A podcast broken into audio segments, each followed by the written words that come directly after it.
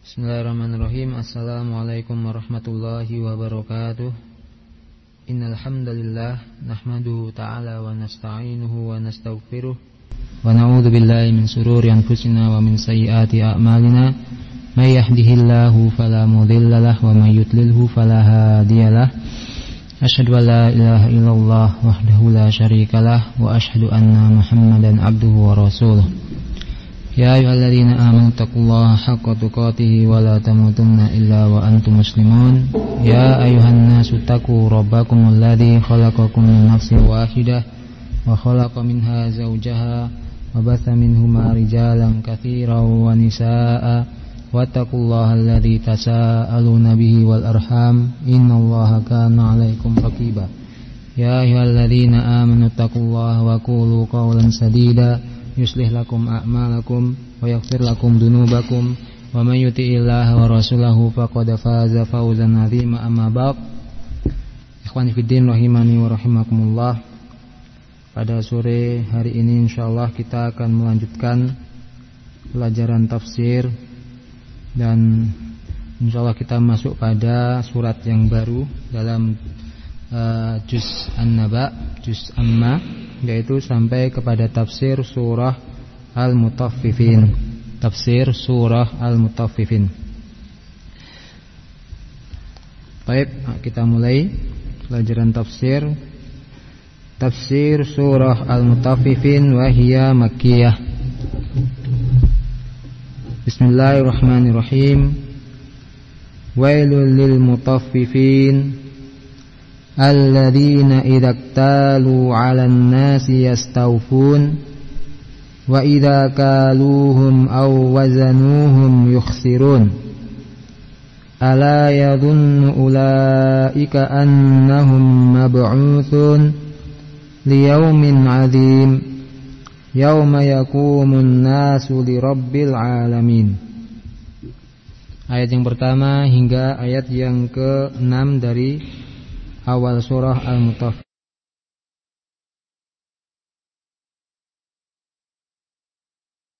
kalah. Lil mutaffifin bagi mereka al-mutaffifin. Siapa mereka al-mutaffifin? Ditafsirkan dalam ayat yang selanjutnya.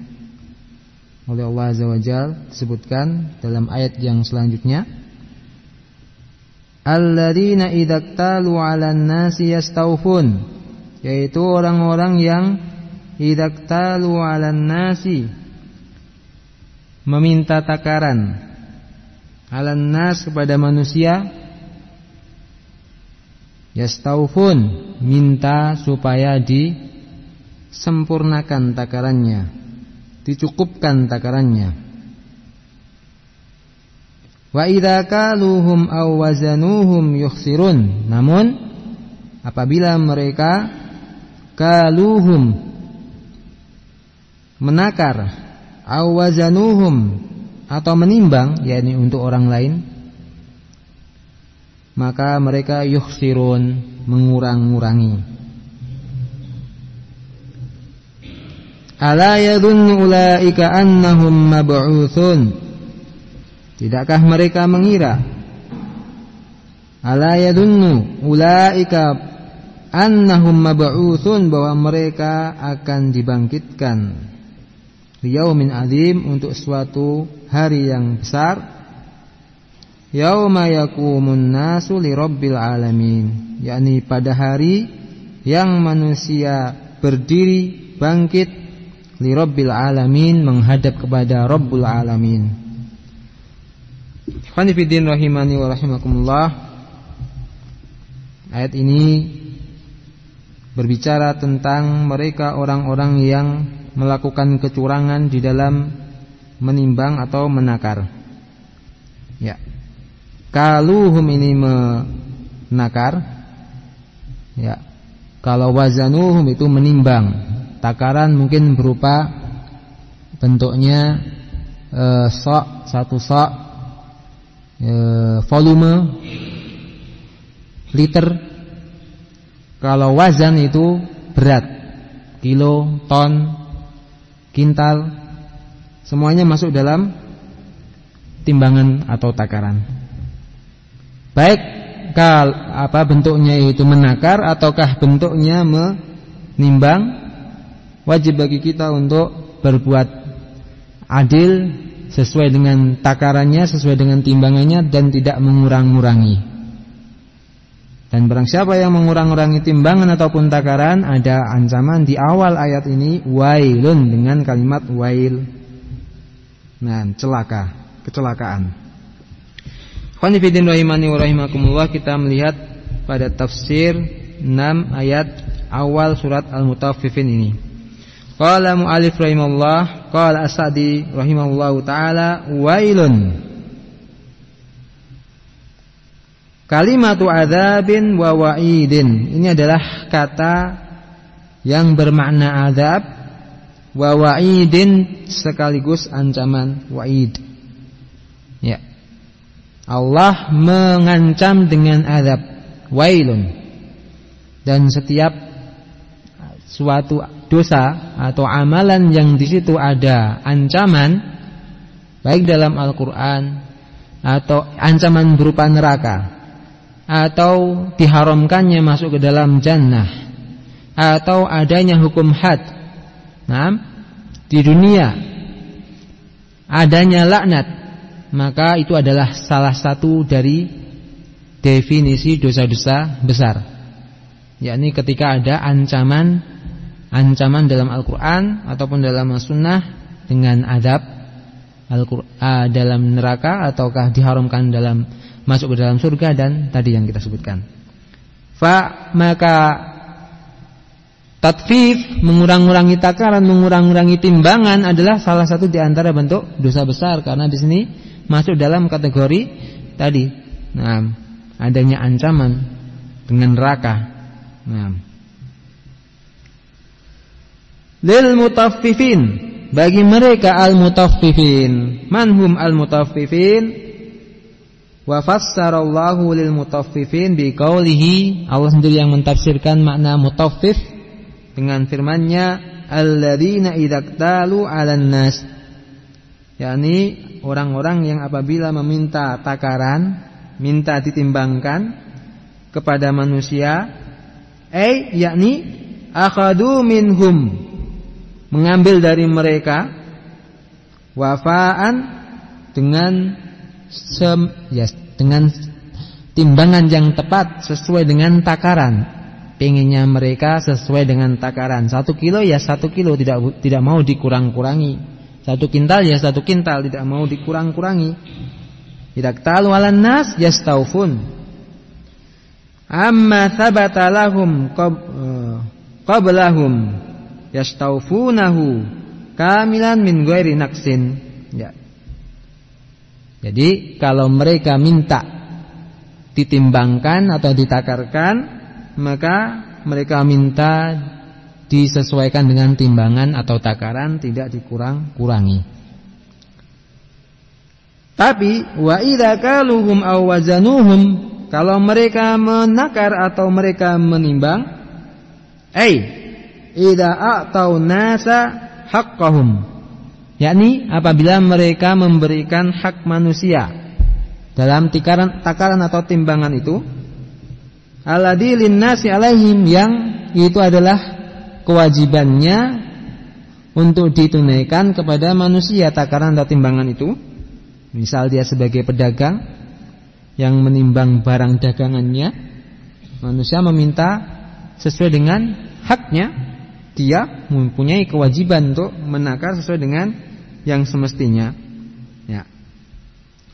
Alladzi linnasi alaihim bikailin aw waznin baik itu takaran ataupun timbangan yukhsirun yang mereka lakukan justru mengurang-urangi dari timbangan yang semestinya atau dari takaran yang semestinya. Ai yang kusunahum dalika mengurang-urangi Ima bimikyalin wa mizanin nakisin. Nah, dengan e, tambak timbangan ataupun takaran yang kurang. Ya ini banyak menimpa para pedagang yang e, menimbang ataupun yang menakar. Nah, ini hati-hati bagi mereka para pedagang yang melakukan yang mengurang-urangi timbangan ataupun takaran. Ada ancaman dari Allah Azza wa Jal atas perbuatan yang seperti ini. Au bi adami mil'i al-mikyal wal mizan atau bi adami tanpa memenuhi mil'i al-mikyal wal mizan tanpa memenuhi timbangan ataupun takaran itu, mengurang-urangi atau tidak memenuhinya. Aw nahwi kata yang semisal dengan itu. Fahada sarakatul amwali li amwalin nas, maka ini masuk dalam makna sarakah pencurian li amwalin nas terhadap harta manusia Nah, walaupun satu gram, walaupun satu on, tetap dikatakan sarakah pencurian. Hadal yajus, tidak boleh. Wa adamu insafin lahum minhum dan tidak adanya sifat atau sikap yang adil untuk manusia dari mereka dari diri mereka. Minta ketika ditimbangkan harus adil, harus sesuai takaran tapi ketika menimbang untuk manusia menakar untuk manusia mereka kurang-kurangi wa idza kana hadza al-wa'id 'ala alladziina yabkhasuna an-nasa bil mikyali wal mizan maka apabila ancaman ini atas mereka orang-orang yang berbuat jahat kepada manusia dalam takaran ataupun timbangan falladhi ya'khudhu amwalahum maka orang-orang yang mengambil harta manusia qahran au sarakah dengan cara memaksa atau dengan cara mencuri aula bihadal wa'id lebih utama lagi untuk diancam dengan ancaman yang seperti ini ketimbang mereka al-mutaffifin. Al-mutaffifin memberikan hak mereka tapi tidak dipenuhi. Misalkan harusnya 100 kilo, satu kintal dikurangi menjadi 95 kilo, kurang 5 kilo. Atau 98 kurang 2 kilo. Itu tetap dikatakan mencuri walaupun sebagian diberikan sebagian besar diberikan hak mereka manusia tapi yang dua kilo dia ambil untuk dirinya atau ini adalah masuk dalam sarakah maka orang yang mencuri memang mencuri atau dia mengambil paksa dari orang lain nah ini lebih aula lebih lebih lebih lagi dalam hal ancaman dari Allah azza wajalla Wadalatil ayatul karimah Ayat yang mulia ini menunjukkan Ala annal insana Bahwa manusia Kama ya'khudu minan nasi Alladhi lahu Ala annal insana Bahwa manusia Sebagaimana ia mengambil dari manusia Miliknya Yajibu alaihi Dia wajib Untuk memberikan kepada manusia Kulla malahum minal amwal. Semua apa yang dimiliki oleh manusia dari harta-harta wal muamalah dan muamalah muamalah. Yakni ketika seseorang punya hak atas orang lain dia punya hak untuk mengambil hal itu dari orang yang menahannya dari dari dirinya itu hak dia Sebaliknya ketika manusia punya hak atasnya, atas dirinya, tidak boleh bagi dia kemudian menahan hak itu untuk ditunaikan kepada manusia. Sama kalau dia menginginkan haknya dikembalikan, orang lain pun hendaknya dikembalikan hak mereka. Ini sifat yang adil. Nah, Jangan dia minta haknya dipenuhi tapi kewajiban dia tidak dia tunaikan. Nah, ini tidak adil. Baik itu harta, bentuknya harta, atau muamalat atau amalan pekerjaan, apa pun pekerjaan itu. Nah, seorang sebagai seorang pegawai. Dia mendapatkan upah sekian apabila memenuhi kewajiban dia kerja dari jam sekian hingga jam sekian. Jangan kemudian dia meminta harta uh, meminta hak dia untuk dipenuhi bulanannya dengan sempurna tapi dia mengurang-urangi kewajiban dia yang seharusnya dilakukannya. Ini namanya tidak adil. Ya, sehingga kalau dia adalah seorang pegawai, kalau dia adalah seorang eh, apa? pekerja, laksanakan kewajiban dia. Baru kalau dia telah melaksanakan kewajiban dia, minta boleh dia minta haknya secara sempurna sesuai dengan hak dia. Nah, ini baik harta maupun pekerjaan sama. Bal yadkhulu fi umumi hadza bahkan masuk dengan keumuman hal ini al-hujaj wal maqalat hujah-hujah ataupun ucapan-ucapan yaitu pendapat-pendapat hendaknya dengan adil. Fa innahu kama anna al mutanadhiri mutanadhiraini qad jarrat al adah anna kulla wahidin minhima minhim minhuma yahrisu ala ma lahu minal hujaj. Karena biasanya seorang yang mutanadhiraini berdebat e, berselisih pendapat Qajarat al-adah secara adat kebiasaan mereka, kebiasaan manusia masing-masing menginginkan alamalahu minal hujaj. Ya. E, dimenangkan pendapatnya dengan hujah. Nah, sehingga dengan hujah itu dimenangkan dibandingkan yang lawan debatnya, lawan bicaranya. Fayajibu alaihi aidan an yubayyina ma li khasamihi minal hujajil lati la ya'lamuha. Sehingga wajib bagi seorang yang berhujah dengan suatu hujah untuk me, yaitu memenangkan pendapatnya atau menguatkan pendapatnya an yubayyina untuk menerangkan kepada lawan bicaranya dari hujah-hujah allati la ya'lamuha yang lawan bicaranya itu tidak mengetahui hujah tersebut.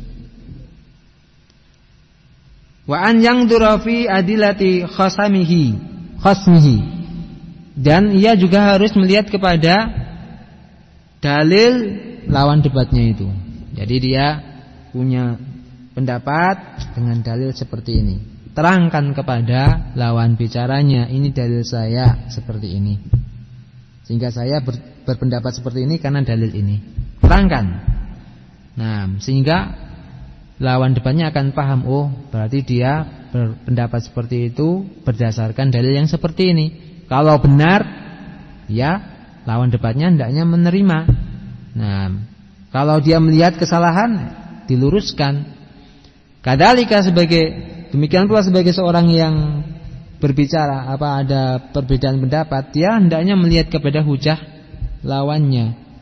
Eh, lawan pendapatnya mungkin pada diri saudaranya tersebut ada kebenarannya, melihat kepada dalil yang ada padanya. Nah, wa fi hadzal maudhu' ya'rifu insafal al-insan. Ya, sehingga pada permasalahan ini akan diketahui sikap adilnya manusia, sikap, sikap adilnya seseorang min ta'assubihi wa tisafihi dari sikap ta'assubnya. yakni dia itu seorang yang adil dalam berpendapat atau dia sekedar muta'assib yaitu ta'assub kepada pendapat tertentu tanpa mendasari pendapatnya dengan dalil-dalil yang kuat. Yang penting mendapat ini saya terima. Ya, ini bagi mereka orang yang mutakhasimain, orang yang berbeda pendapat. Dan yang namanya manusia dalam kehidupan mereka, mereka adalah e, pada setiap manusia mungkin memiliki pendapat yang berbeda. sehingga muncul akan muncul pada mereka perselisihan dan itu ada sesuatu yang wajar. Namun hendaknya seorang yang berselisih untuk melihat kepada mana yang lebih benar dengan melihat hujah. Hujahnya dia dan hujah yang lainnya, lawannya. Nah, ini akan diketahui sikap adilnya dia nah, da, e, dalam e, perbedaan pendapat itu wa tawadhu'uhu dan juga diketahui dengannya sikap tawadhu'nya nah min kibrihi dibandingkan sikap kiber sombongnya nah jangan dia lebih condong kepada sikap sombong merendahkan orang lain nah sehingga tidak mau menerima apa pun hujah dari orang lain oh dia seorang yang lebih muda dari saya maka saya nggak terima hujahnya Padahal barangkali pendapatnya berdasarkan hujah yang kuat yang seharusnya dia menerima pendapat tersebut. Tapi karena kesombongan dia tidak mau mendengar apa pun ucapan dan pendapat dari orang lain. Ini nggak boleh. Wa aklihi min safahihi dan nampak padanya akal. Akalnya dia, kecerdikannya ketimbang sifat safah. Safah itu kebodohan. Nas'alullah taufik likulli khairin. Thumma tawa'ada ta'ala al-mutaffifin kemudian Allah taala mengingatkan kepada mereka al-mutaffifin yang melakukan perbuatan curang seperti itu. Wa ta'ajjaba min halihim dan merasa heran dari keadaan mereka al-mutaffifin wa iqamatihim ala ma hum alaih dan tegaknya mereka di atas apa yang mereka kerjakan dari bersikap curang tersebut. Allah Azza wa Jal menyebutkan kepada mereka mengingatkan ala yadhunnu ulaika annahum mab'utsun liyaumin adzim yauma yakumun nasu lirabbil alamin. Tidakkah mereka mengira yak yakni yakin ulaika orang-orang itu annahum mab'utsun bahwa mereka akan dibangkitkan setelah kematian. Yakni bukan sekedar khobar di sini ada ancaman. Bahwa setiap yang hidup nanti akan mati kemudian akan dibangkitkan dan setiap amal mereka itu akan dihisap. Mereka dibangkitkan untuk mempertanggungjawabkan amalan. Liyaumin adzim untuk suatu hari yang agung yauma yaqumun nasu lirabbil alamin yaitu pada hari yang manusia berdiri bangkit menuju kepada Rabbul alamin.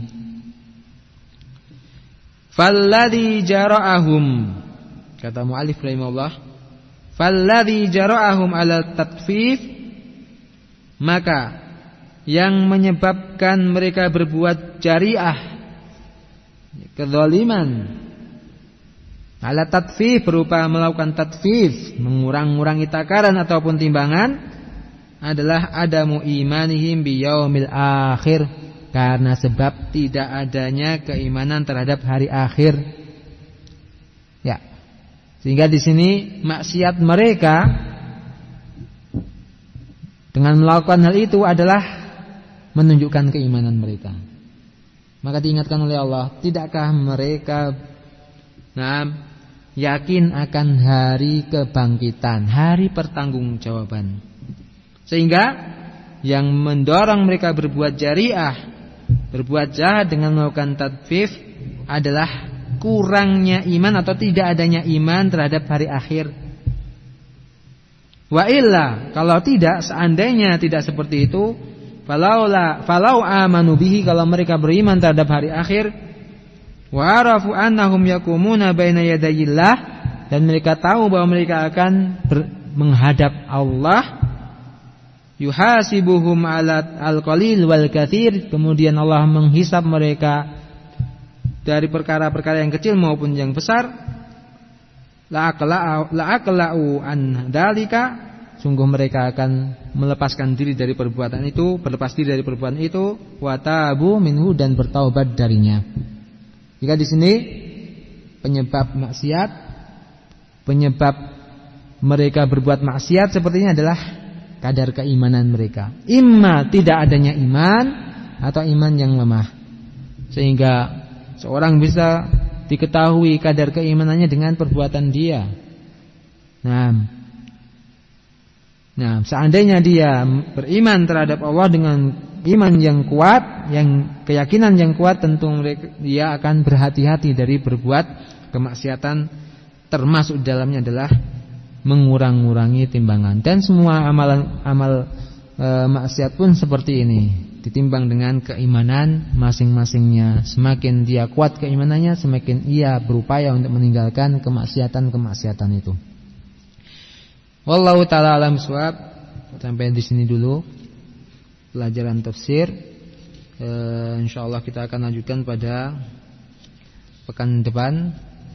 Subhanakallahumma wa bihamdika asyhadu an la ilaha illa anta astaghfiruka wa atubu ilaik. Wassalamualaikum warahmatullahi wabarakatuh.